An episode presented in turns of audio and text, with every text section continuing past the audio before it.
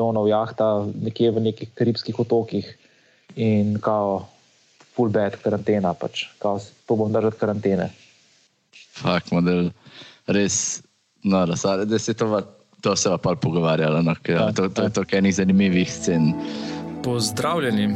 Pozdravljeni v, v novem podkastu, novi oddaji uh, Bring to Front, gostitelja bova Denis in Emil. V bistvu gre za prvo, prvi slovenski podcast, ki se ukvarja z dizajnom.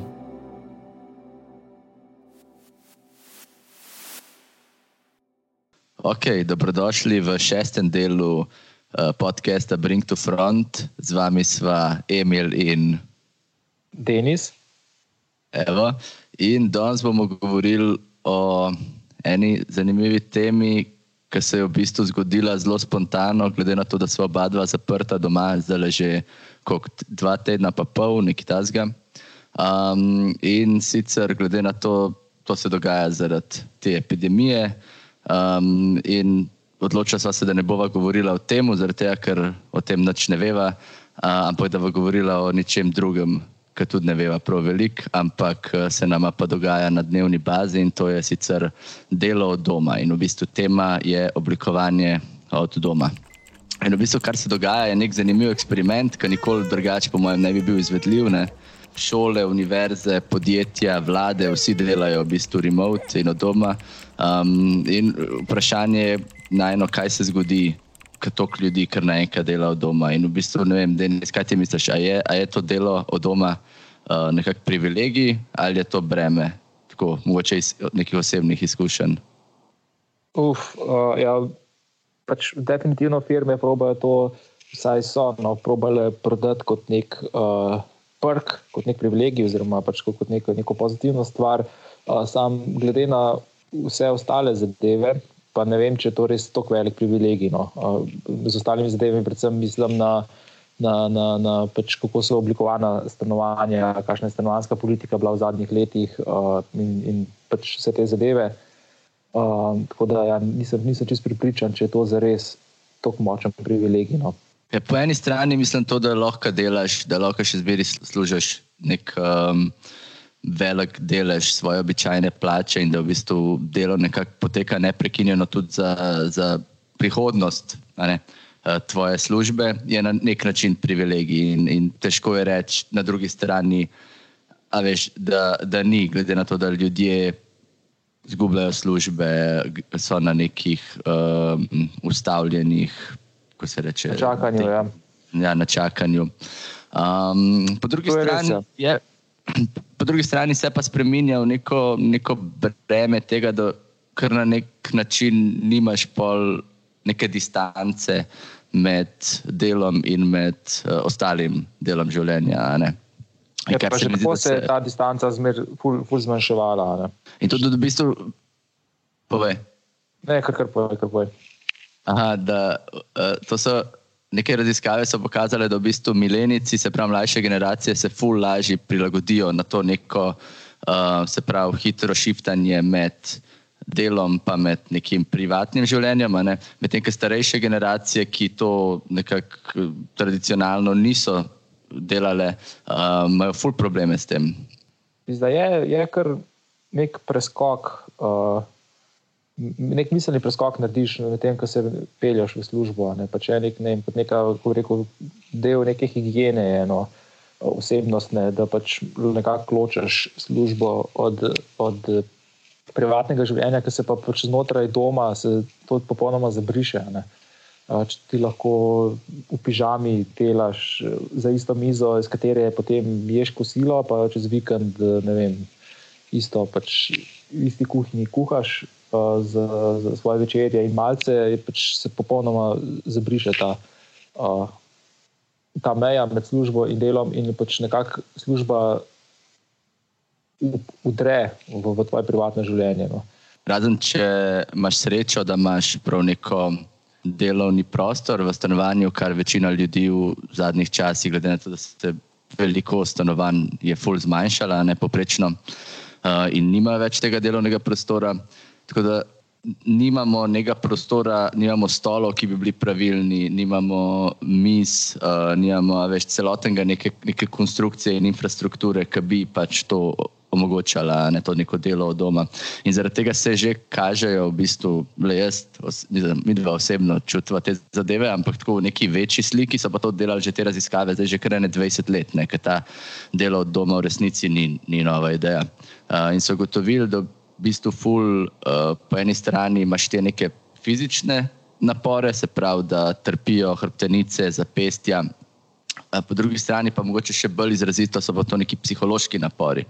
Uh, se pravi, da ljudje, ki ful dolg časa delajo, tle so delali neke raziskave in sicer na obdobju sedmih let ne delajo doma, uh, so te ljudje v bistvu izkazali, da imajo ful uh, večjo možnost za depresijo in anksioznost, in da v bistvu ta osamljenost, to, da ti nisi v nekem konstantnem stiku z ljudmi, um, v bistvu veča tudi uh, možnost, da umreš za 29%, kar se mi zdi prizadeto. To je tako primerjali so, primerjali so to s kajenjem. No. Ši delo od doma je tako smrtno, kot kajenje. Ja, da, model. Dobro. Uh, uh, Nepričakovano. Ja, mislim, so podjetja, ki so delala poskuse, pa so se pač, uh, odločili, da ne bojo ne, uveljavljali tega kot neke splošne smer, smeritve firme, da, da pač furajo to konstantno delo doma. Ne. So se odločili proti temu. Imáš pa tudi firme, ki so pa to uh, z veseljem sprejele, ne, oziroma pač, ja, so bolj naklonjene temu. No. Tudi v, v, v tem pogledu ni nič enotnega mnenja, no. je to zdaj dobro ali ne kot si omenil, veliko firm je to delalo, in da, da imaš dva glavna neka parametra, po kateri so se odločali, je ta stvar uspešna ali ne. In ena je bila v bistvu zadovoljnost um, teh zaposlenih, ker so v bistvu vsi rekli, da jim je kul. Cool, Kdaj dela to doma, ampak ne pa večinoma. Ne. Po drugi strani, druga metrika je pa ta nek u, u, uspeh za, uh, za podjetje. In v bistvu podjetja so ugotovila, ne, prvak na tem področju je IBM, ki je začel s temi eksperimenti že v zgodnih 90-ih in so zračunali, da lahko na ta način full prešparajo. Zaradi tega, ker ljudje so praktično enako produktivni, v nekih primerih še celo bolj, um, po drugi strani pa podjetja ne rabijo plačevati nekih teh uh, veš, stroškov prevozov, uh, ne vem, najemnin za, za pisarne uh, infrastrukturne stroške, veš, morajo kupiti vse te računalnike, na katerih ti potem delaš luči, mize, vse te zadeve. Pač to je full enega denarja. Ja, velikost pisarn se zmanjša, ker nimaš kar nekaj toliko ljudi in uh, hkrati v istem prostoru, že zdaj le full prešparajo. Um, Verjetno tudi pol stroški te pač elektrike, osvetljave, ogrevanja, vseh teh zadev so pa zaradi tega tudi precej manjši, da se spet prenese na, na delovce same. Mm. Mislim, tako, tudi iz nekih osebnih izkušenj je vedno najs, to, kar si na začetku že omenil, se pravi. Ta neka pot, ki ti naredi, sicer zdaj ne, ne predstavljam si, če bi bil v Ameriki, da bi se lahko vsak dan eno uro pa pol furati po nekem največjem raščavorju, to najbrž ni lih. Um, ne, ni ne, to je tudi resno. Če, če si v avtobusu, je kar grozno. Po mojem, tako kakajenje tam nekje. ja pa si pol na istem, ostaneš doma, pa zaradi uh, depresije umreš, ali pa zaradi uh, potipa, zaradi živčnosti anksioznosti. ne, ne moreš zmagati, stari. Ne moreš zmagati. Ker delo ubija. Ne? Ja, mislim, tako pač lahko rečemo, tako, da ne, po eni strani tisti, ki imajo nek prostor, kjer lahko delajo, imajo vse srečo, ampak kot so, so se že dotaknili, pač sodobna stanovanja niso, niso prilagojena za take stvari. Ne?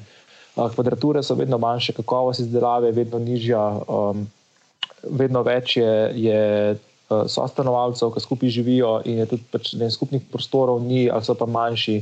In je v bistvu zdaj, ko smo vsi pač prisilno zaklenjeni, težko tudi najti prostor, iz katerega delaš.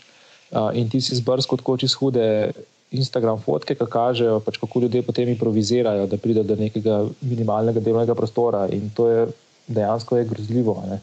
Um, pač folk dela tako, da, da odpre omarco spodno v kuhinji, da, da lahko noge noter in dela na delovnem pultu ob, ob koritu kuhinjskem. Uh, to, je, to me je ful spomnil, drugače ta direktna slika, se pravi, ja, um, me je spomnila na moje prvo stanovanje v Londonu in sicer to je bilo. Uh, lih sem v letu tja in dubu pač uno, bil sem mal, uno, nisem se dobro pozanimal, najdel nek hiter del. In je bilo tako, dobil sem sobo, ki je bila tako velika, kot posla, pa tako še ene 30 centi ob strani, da si lahko pač šel mim um, do vrat. In potem v bistvu je bila pa samo še ena šerana kuhna, pa ni bilo nobenega skupnega drugega prostora. In tako, če si predstavljam, jaz zdaj, da bi tam mogel delati v tem placu, pač si res ne predstavljam, kje bi delal. In tako te, te neki. Um, Ne samo, da delaš, že samo življenje je težko. Ne, Tako, da, da, tam, da ne moreš iti ven, uh, je, mora, biti, mora biti precej naporno. Ne. To, to, to je pač veš, lifestyle, folk, ki so mladi, ki ali cele dneve so na faksu, ali cele dneve delajo, tako tam v Londonu, pa v Ameriki, pa so se dela neke nerealne ure, folk je pa 12 ur v službi. Um, če imaš srečo, imaš še kakšne tam neke te, veš, office perks, pa imajo nek. Uh, Ping-pong, pa na mizni futbol, pa te zadeve, pa folk tam ostane. Beanbage, ja. te zadeve, folk tam ostane in pa pride doma praktično res samo spata ne, in zjutraj jovo na novo. In ko imaš pa kar naenkrat ti pol v tem fletu noter pet ljudi, ki so tam cele dneve, je pa pač to noro. In tlele neki, neki te pogruntavščine so pač genialne. Ne. En je v bistvu to radikalno desko spremenil v, v mizo, um, en si je tale pod, uh, synthesizer, je dal gor na synthesizer, potem nek podstavek in je to ratala miza. Mm, mm. Kaj so še neki? Potem po drugi strani ne, imaš pa fotke, folka, ki kaže, ki imajo pa neko noro stanovanje nad Temzo. Ker v bistvu imaš pogled na cel London uh, ali pa direkt ob reki, potem tretji pa spet ima iz Likse preselil in ni niti še razpakiral svojih uh, škatelj, ker se je že začela ta kriza in je potem v bistvu sam te škatle spremenil v eno mizo. No, tako da svašta res. Ja, ja pač, ampak to bi rekel, da je tudi kriva stanovanska politika zadnjih kaj, pač 20, 30, 40 let. Uh, se pri nas ni nekaj dosti drugače, gradijo se samo luksuzna stanovanja, ki si jih večina naroda ne more prvoščati. Um, poleg tega imaš pa še te uh, razno razne platforme za kratkoročne najeme, ki tudi odžirajo stanovanja, nekih socialnih stanovanj se pa sploh ne gradi. In so razmere pač ravno tako obupne. No? Lahko je pač to delo doma resno trpljenje. Ne? Ja, in je v bistvu res je nek tak izraz te družbene neenakosti. Ne? Se pravi, da imaš na eni strani ljudi, ki imajo mize, mislim, likalno mizo kot delovni prostor, na drugi strani imaš pa ljudi, ki imajo celoten coworking space, pa telovadence, pa svoje privat gozdove, pa igrišča, pa ne vem, kakšne vse zadeve. Ne? In te neki celebriti um, so mal, mogoče v tej krizi so tako veliko izpadali, kot da, da mal ne razumejo. Zares, da hočejo razumeti tega malega človeka, ampak ga zares ne. ne. Ja, čist, nimajo sploh veze več z realnostjo, to je popolnoma drug svet. Ta tudi, pač virus je prizadel ljudi na drugačen način. No. Pač drugače, če se nek bogataš zapre v svojo supervilo z ne vem kolikimi spalnicami, ki grem staviti, da so še zdaj prvič v nekaterih sobah, ki do, do takrat niso bili nikoli. Grem staviti, da imajo težave, da najdejo pribor v kuhinji, zdaj pa sem jaz skozi neke šefe, ki so jim kuhali. Pa imaš pa pač na drugi strani pa ljudje, ki se stiskajo v, v, v supermehkih stanovanjih in vlada pa izbruhne tudi konflikti. Kar je pa tudi, tudi uh, ena, ena ta, vsaj za me, bila nepričakovana temna stran uh, te karantene. In sicer ful, velik porast uh, nasilja v družini. Mm, najbolj, v bistvu, najbolj šokantni podatki prihajajo iz uh, Hubeja, se pravi province, iz kjer je tudi Wuhan. In so v bistvu po poročilih, glede na lansko leto, v februarju, imeli 350-odstotno rast uh, domestic violence, se pravi nasilja v družini. Um, in po podatkih ne bi 90% tega nasilja bilo povezanih z karanteno. In to ni neko samljen primer, ne? podobni podatki prihajajo iz celega sveta. Eh, s tem, da še nimamo niti nekih resnih, popolnih podatkov. Ampak recimo v Braziliji je rast med 40 in 50 odstotkov, v Kataloniji 20 odstotkov, na Cipru 30, to je samo par, ki sem jih najdel. Eh, ampak to je res, res je noro, pač ljudje so. Ker naenkrat skupaj. Ja, je pa še posebej, če zraven daš eh, ne samo pač, to smrtno nevarnost virusa, ampak je zraven še potem ta ekonomski vidik. In uh, kjer pač službe uh, ne obstajajo več, oziroma se zapirajo, folk ostaja brez, brez delovnih mest, uh, brez denarja in še pač ne smejo sploh iti ven iz hiše, da bi zaslužili denar in so pač koja. Brez denarja, zaklenjeni v, v stanovanje in ne vejo, kje bodo dobili za, za hrano, za stroške, za najmnino. Ja, pa da ve, a si videl un graf, ki sem ti ga poslal ki so ga New York Times objavili, koliko ljudi je uh, klejmal brez, brezposelnost v Ameriki prejšnji teden. Sem videl, ja. Sem videl, ja. To pač pač noro, to... tako, naredili so graf na prvi strani New York Timesa in so v bistvu prikazali od leta 2000 naprej vsako leto, koliko ljudi je um, se prijavili kot brezposelni. In graf gre, kot si predstavljate, se pravi celotno višino časopisa, gre tam nekako levelira v nekih zadnji desetini uh, tega časopisa, potem pa medtem, ker zdajšnji podatki so šli pa čist do vrha, gor, do unga logota od New York Timesa. In je tako. Tok velik ljudi, se pravi, mislim, da je nekaj 3 milijone, prej je bilo pa nekaj 3 milijone. Ja. Ja. Ja, mislim, da to pač presega po finančni krizi leta 2008, tako močno presega in to so tako kar naenkrat. Mislim, da v, v, v roku enega tedna, koliko so, so ljudje uh, klejmali pač te benefite oziroma brezposelnost, ker so jih pač ja, delodajalci jih odpustili. In je zdaj še v Ameriki še ta problem, da bojo te ljudje, ki so ostali brez službe, ostali tudi brez zdravstvenega zavarovanja. Ne. Zdravljenje za korono, pa verjetno zavarovalnice ne bojo sploh niti pokrivali in bojo pač ostali še, še s temi dodatnimi zdravstvenimi dolgovi. Uh, Amerika, po mojem, je najslabša upravljena država na, na, to, na to pandemijo. Ja, in, in mislim, Varufakis recimo tudi pravi, da to sploh da to ni nek drugi hit, ne, da je to vse del v bistvu iste krize, zaradi tega, ker um, se. Pač od takrat naprej gospodarstvo zares ni rekonstruiralo, to je samo celo gospodarstvo je zraslo samo z nekimi finančnimi injekcijami uh, centralnih bank, ki so pač dobesedno ustvarjale denar brez kritja in da, da smo še zmeri v isti krizi in da, da se ta kriza zares um, zgodi, bo, bo še slabše. No. Ja, ja, nekako bi sploh lahko spet reševal na isti način, uh, kot se je uh, reševal zadnjo krizo. Enoč printamo še cache. Ja, ampak ja, printer go brr. Uh, ampak nekako lahko mm. še dodatno vrčuje, še bolj vrčuje, še bolj zateguješ posove, ker je že tako, pač se mi zdi, da na meji, oziroma že tudi doskrat prišlo mejo. Ljudje so ostali popolnoma brez vsega. Ja, ne vem, res. Jaz mislim, da to bodo naši voditelji mogli ugotoviti. No. Ja, uh, ampak glede na to, kdo vodi te države, glede na to, kdo vodi vse države, sem mal, mal pesimistno.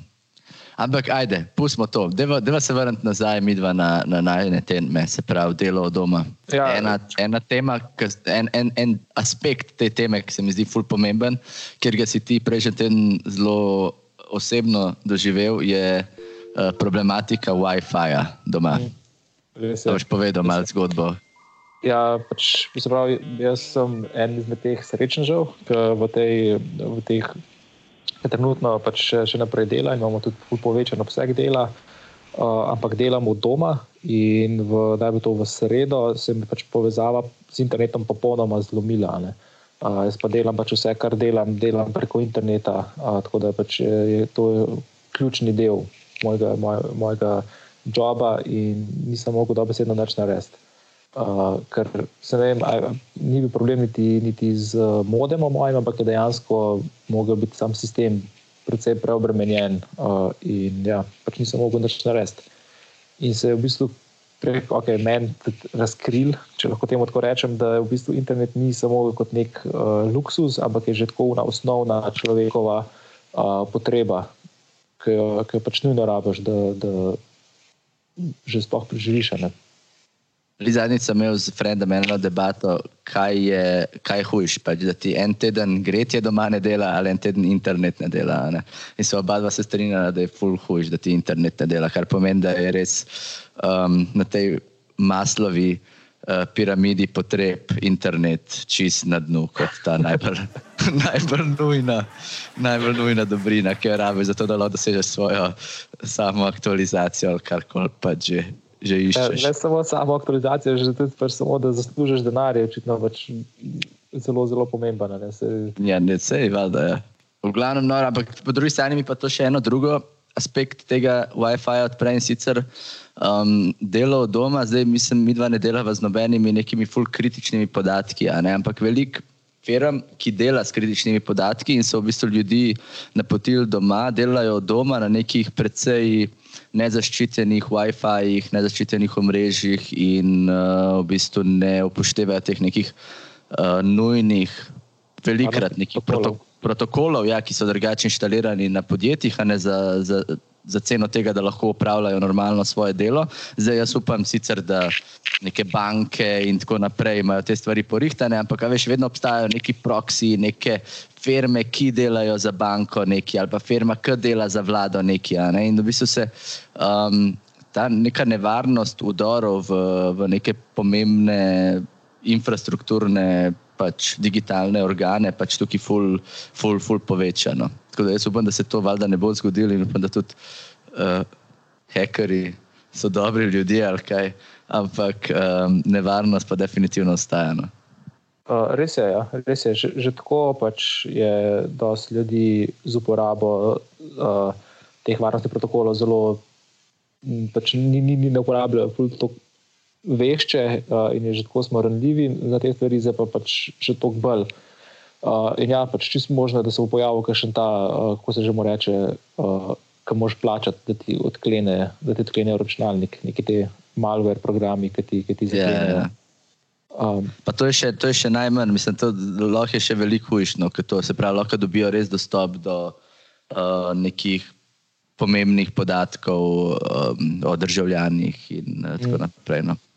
Mm. Tako da je, mislim, ta tema v resnici, kako je tako, po eni strani se nam je zdela malo simpel, full velik enih področji, ne odkriva in tako, kako smo v bistvu zares neprilagojeni na tako delo. Da v bistvu ta nek običajen način dela, ki se je vzpostavil, se pravi, ljudje delajo v, najprej so delali na, na polju, pol v tovarnah, potem pač v nekih pisarnah. Ne? Um, ampak da je ta nek odnos med delovnim prostorom in privatnim prostorom zares ful pomemben, za, zato da lahko v bistvu sploh zbildamo nek, nek odnos in da se lahko odcepimo od tega. In to, to ful spoštujem v resnici pri ljudeh, ki lahko um, na nek način se oddalijo od dela, ki končajo enkrat v pisarni. In, in je ful, ful dober je ta feeling, v resnici, ki zaključiš ob 4, 5 z delom in greš domov in se posvetiš drugim zadevam, ali karkoli je tvoj pač hobi. Mm, mm. Kar je zdaj vedno, vedno težje doseči. Pač, zdaj imaš vem, od tega, da, da, da komutaš uro pa pol, eh, ker folk ne, če uporablja javni prevoz, delajo ne, na vlakih, kakorkoli, pol pač pridejo v, v pisarno, delajo v pisarni, grejo domov in pol še doma delajo naprej. Ne. Um, pač nekako ta. Uh, produktivnost, vedno večja produktivnost pa nekako zahteva od ljudi. Pač s tem, da če, primer, če združiš z nižanjem stroškov, ki je vedno manj zaposlenih in se pa vedno več nalog prenaša na, na, na nek ta manjši bazen uh, ljudi. Uh, In je tako res zelo, zelo, velik, uh, zelo velik napor na, na posameznih zaposlenih. Na malega človeka. Na malega človeka, res je.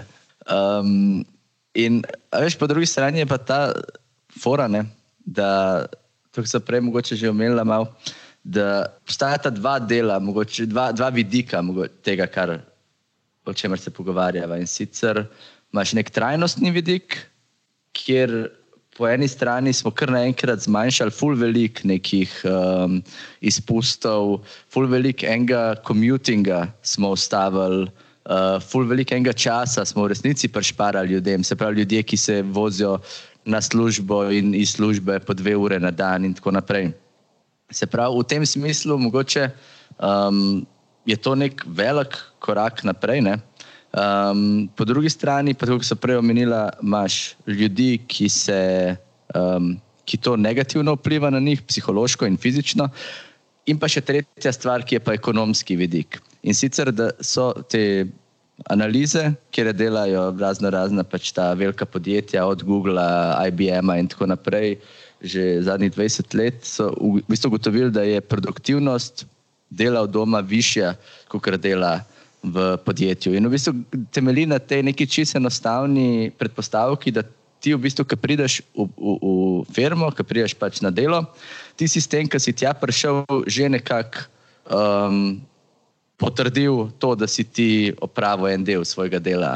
Medtem, če, če ti delaš od doma, moraš to nadoknaditi s tem, da mal over-deliveraš. In so v bistvu zračunali, da poprečno ljudje, ki delajo doma, delajo tako za en dan, pa pol več na mesec, kar nanese v letu za 16,8 dni, kar se mi zdi ogromno.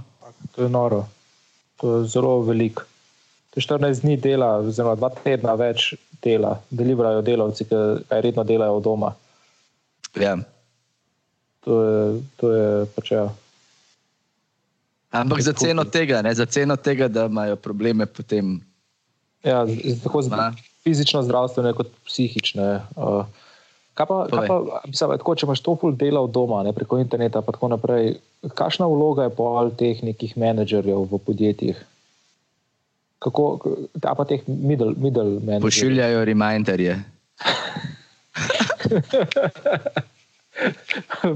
Bukajo neke sestanke.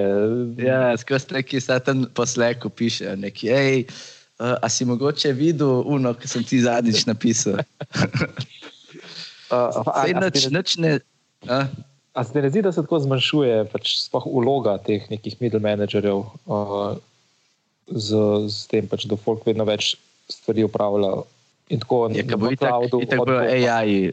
In tako bojo AI vzeli službe vsem menedžerjem, stari, ki bojo radi taki najbolj hiperproduktivni menedžerji, ki ti bojo skozi pošiljali samo neke notifikacije, pa urgency uh, e-maile, take full pasivno agresivne urgency e-maile.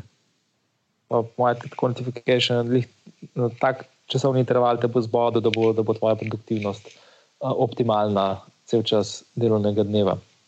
Nedvomno. Ne bi bilo, da ne bi čas brez delja neki. Uh, ja, kad, ne vem, to se zdi, pač, če imaš ti vedno več teh nekih uh, sistemov, ki delujejo v oblaku, ki beležijo neke tvoje klike aktivnosti in tako naprej. Um, s tem, da pač lahko delaš to, ampak kaj, kaj pa vloga, vloga teh nekih middle, middle managerjev, ki so bili zadolženi za to, da so pač točno to delali, menedžerirali delo v podjetju. Ne. Zdaj imaš pa ti s temi, s temi podatki, ki jih generiramo z delom preko, preko neta in tako naprej. Uh, ima v bistvu vsak dostop do, do, do, do teh kazalnikov produktivnosti. Okay. Mm, Ja, in se, ne, resno mislim to, da se bojo pač verjetno te stvari um, digitalizirale in da bojo pač neki, neki smart sistemi prevzeli njihova mesta. In to je tudi, mislim, se mi zdi eno od teh ključnih ne, vprašanj, a, bo, a se bo družba lahko sploh vrnila nazaj še v to neko klasično pisarniško delo, glede na to, kakšne benefite imajo podjetja od dela remote. In recimo, IBM, ki je pač to testiral, so ugotovili, da lahko prehranijo 100 milijonov letno samo v Severni Ameriki, um, s tem, da ljudje delajo od doma. Se pravi, neko fleksibilno delo. Ne? In da, v bistvu, da je to neka prihodnost dela se premika v to smer, se pravi, da bi delo ratal remote, ampak ne zaradi tega, ker bi si mi tako želeli, pa ker lahko greš v Starbucks delati, pa ker lahko doma delaš v pižami. Da to je, to, to je v resnici dobro za nas, ker se to parkrat zgodi v mesecu ali pa na leto. Da v resnici, če bi bili pa prisiljeni plat, mislim, delati skozi doma, bi pa to na nas ful slabo vplivalo, medtem ko podjetja bi od tega imela precej več. Pak, noro, spet, ne samo, ne samo da ga to tako kaj prešparajo, samo z nekimi stroški, a, ali je v to tudi uštet eh, ta nek dodaten revenue, ki ga prenese tistih 16 dni več dela na, na leto. Ja, skupno, ne? Skupno, ampak noro. Mm. noro. To so zelo, zelo velike številke. Uh, Predstavljaj si, ja. koliko podjetja koliko trošijo na potnih stroških, koliko mm. dajo za najemnine. Predstavljaj si v velikih mestih, New York, San Francisco te najemnine so prizadete. Um, infrastrukturni stroški, se pravi, vsi te interneti, povezave, gor dol, pač vse te, to je pač to nanesene, ogromno. Mm. Ampak te, kaj, eh, tech giants, te velikani, Google, Facebook, pa tako naprej, pa še zmeraj dajo ful na to korpo, korpo kulturo dela v pisarni, postvarjajo neke te uh, ala co-working, open office space, pa, pač spodbujajo neko druženje. Ja, ampak mislim, da je, to, mislim, da je šlo to, veš, da imaš dve poti. En je ta, se pravi, hiter transition, se pravi to, da ti rečeš ljudem, ok. Od jutra naprej vsi delate od doma, ne? ljudje se ne bi na to, po mojem, ful dobro odzvali. Pa bi bilo pač tako, ljudi, tako kot sem prej rekel, se pravi za delavce je še zmeri se mi zdi v interesu priti v pisarno pa delati tam. Um, in da te neki vsi perksi grejo po tej poti, se pravi, tega nekega slow transitiona. Medtem, ker to je pa druga pot, zdaj, ki smo jo mi obrali, ne zaradi te krize. Se pravi, da imaš kar naenkrat ti eksperiment, kjer um, največje število ljudi, ever, dela od doma, imaš cele firme, ki delajo doma in tako tudi vsi te tech giganti, in da mogoče bo pač ugotovili, da za njih se to. Pač ekonomsko, fulbol splača. Ne? In da imaš ti potem, ne vem, na mestu, da imaš v, recimo, Google je zdaj zgradil v Londonu, tam da so v centru Londona pač ogromen kampus, izraven še eno dodatno zgradbo, mora imeti najeto, da ima pač najeto samo eno nadstropje v eni zgradbi, kjer ima noter lahko ljudi, ki pridejo, ki se morajo nujno nekaj zmeniti, stvari in tako naprej. Drugač pa ljudje delajo, kjer hočejo. Se ima itak, vsi imajo zdaj že laptope, vsi imajo internet, delijo doma. Sam hm. delivery pa, delivery pa isto. Ne. Uh, sam zdaj le mogoče še dobro izpostaviti še, še en, en problem, ki se ki je mogoče zdaj malo skrit, ampak um, delo doma vsem zahteva, kako je to pač to delo v oblaku, pa tako naprej, vsem zahteva neko to, kako reko, temu materialno podstav. Se pravi, še zmeraj morajo obstajati neki fizični delavci, ki v končni fazi opravijo neko fizično delo. Ne. Um, pa naj bo to, ne vem skrb za strežnike, polaganje internetnih kablov, ali pa v primeru e-commerce, pač imaš te dostavne službe, uh, kjer je pač pakiranje v, v škatle, pošiljanje, dostavljanje vožnja uh, po, po, po mestih in ta pač izročanje paketov, pa se, se te neke zadeve. Ne. Kar pa ne more delati doma, kar pa še zmeraj mora biti v, biti v svetu in operirati fizično. Ne. Ja, valjda, pa se mislim primarni, sekundarni sektor pač ostaja tako, kot je. Ne? Tam ne moreš digitalizirati tega. In to je v resnici tudi ta sektorja, ki tudi zdaj le vidimo uh, na nek način. Poganjata to družbo, ne, to omogoča, da ta družba normalno funkcionira. Pa če ne bi bilo hrane, če ne bi bilo uh, zdravnikov, in tako naprej, bi pač to kolapsirali. Um, ta, govorimo predvsem o tem terciarnem sektorju, se pravi, tega pisarniškega dela, ki pa, pa se lahko na nek način digitalizira. In ja, se strinjam, pač to je osnova, definitivno ljudje morajo zelo trdo delati, sprav, da sploh omogočajo to infrastrukturo, to, da ljudje pa delajo remote. Ampak kar je pa problem, vidim, je pa to, da bodo to spet podjetja apropriirala za njihove neke lastne interese ne za interese delavcev, da, to, da bi lahko več časa preživljali doma z otroki, kar se je Bajdeva izkazal kot nekaj, kar. Um, velik problem. Ne? Ja, se to. Um, ja, ja, otroci pač ti ne dajo miru, ne, ne moreš v miru delati. Ja, Nasplošno nimaš nekega časa zase, ne, kako se to smešno sliši, ampak eh, veliko ljudi, s katerimi sem se pogovarjal, ali pa jih spremljam na, na Facebooku in tako naprej. Uh, Eh, pravijo, da uno, so šli v službo, pa iz službe pa vmes un čas, kosila, pa to je bil nek čas, ki so si ga lahko vzeli, da so mal, veš, sprostili misli od recimo nekih uh, mehkih otrok, ki jih imajo doma, ki so konstantno hiperaktivni, a ne, in v bistvu ne, ne, ti ne postijo niti neke sekunde. Um, Zanimivo, bomo tudi zamenjali odnos do otrok v tem kriznem času, kaj. ker heca otroci. A da jih, out, jih bomo outsourcali. jih bomo outsourcali. ja, ja, se. To, ker je cenej delovna sila. ja, se to po eni strani že dogaja. Natalitete v razvitih državah pada, v, v teh uh, državah v razvoju pa pač še zmeraj zelo visoka. Ne? Ampak ja, hudo otroci mali tirani. Kaj ti misliš, Mislim, kako, kako ti misliš, da se bo ta stvar spremenila zdaj, oziroma vplivala na um, delo ljudi? Definitivno mislim, star, da se strinjam s tabo, da zna biti, uh, da bo pač podjetja videla, da se da tako spurati, um, da, da pač veliko ljudi dela od doma in da jim to zni, zviša produktivnost in zniža neke stroške firme in s tem posledično imajo tudi večje profite. Um, da bo sigurno se več tega posluževala, ne pa spodbujala bolj aktivno, da dela še en dan, dva dni v tednu od doma. Pa, ja, ja, po drugi strani, fakt, je to zdaj dobro ali slabo, pa ne vem, pa sploh ni vem, težko, težko rečem. Kako bi to vplivalo? Verjetno lahko računamo, da bo, da bo avtomatizacija itak prevzela, prej prej slej tako dobesedno vse službe. Uh, ampak do takrat ja, bo pa verjetno probal čim več uh, narediti, da se bo delal tudi doma. No, kar je, ne vem, bolj težko združim to vizijo nekega stalnega dela doma skupaj s to neko stanovansko politiko, pa pač pomanjšanje stanovanj, pa vsega tega. Uh, je tudi pač velik konflikt in ljudje še bolj, še bolj udeprijo, še bolj v kurcu.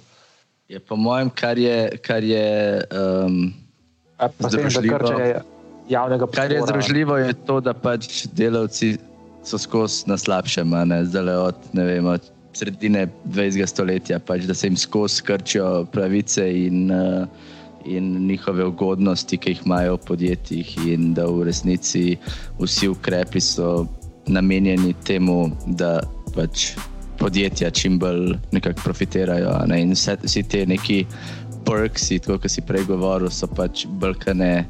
Um, samo neka kamuflaža, zato da, da ne vidiš nekih resnih uh, sistemskih sprememb, ki se pač dogajajo in kako se delavcem pač pravice krčijo.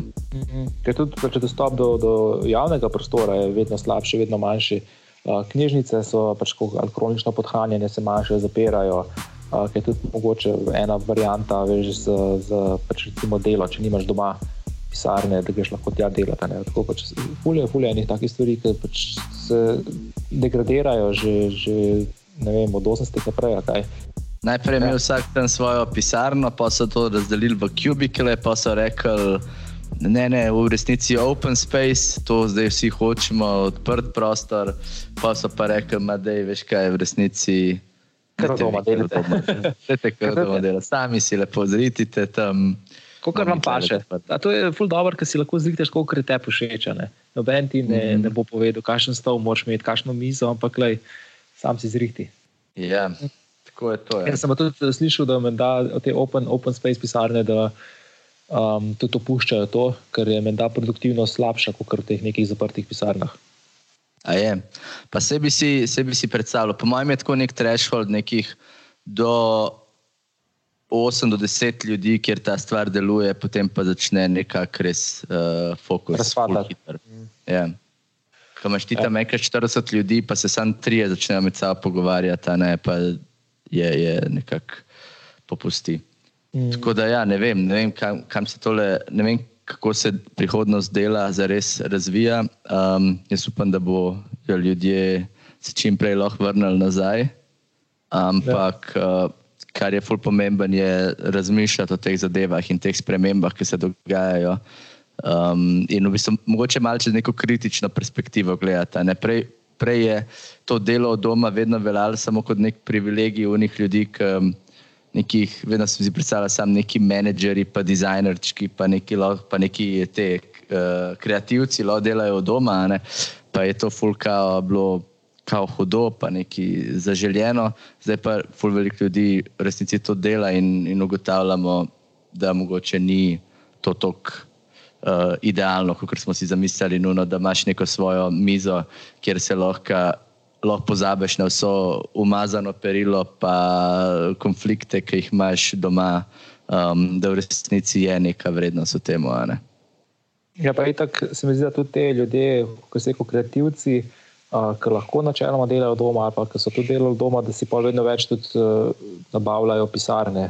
Uh, si najemajo nek, nek, pač neke pisarne, mogoče ali sami, ali pa s kakšnimi parimi kolegi, tudi, uh, da pač ja, lahko delajo v pisarni. Itak, je, psihološko je čist drug film, ki ti delaš tam od doma, pa imaš še sto drugih stvari, ki so ti distrakcija, ali greš nekam, kjer si lahko pač posvečen svojemu delu. Sicer na drugi strani je, je pa celotna ta problematika teh nepotrebnih sestankov v službah in distrakcij, ki jih imaš, in uh, kosilc, in kavic, in watercooler tokov.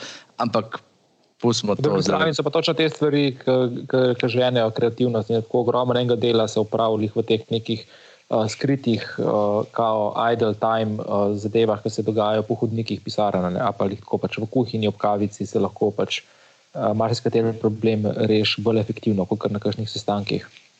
Ampak ja. Tema, mogoče za, za druge. To pa Balkanci zelo dobro vejo. Vemo. ok, in s tem smo zaključili naj šesti podcast. Hvala, Hvala. da ste z nami danes je malo drugače potekel, v remotli, mogoče zvok zaradi tega ni najbolj popoln, eh, ampak ja, se probava držati eh, smernic varnostnih.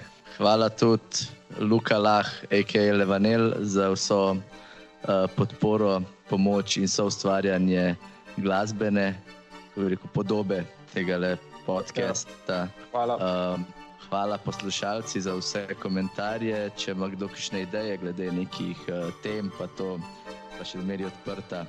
Uh, ene par so jih še dobila, jih imamo na lagerju. Da, upam, da, uh, upam, da čim prej lahko začnemo spet snemati v vroči sobci. Uh,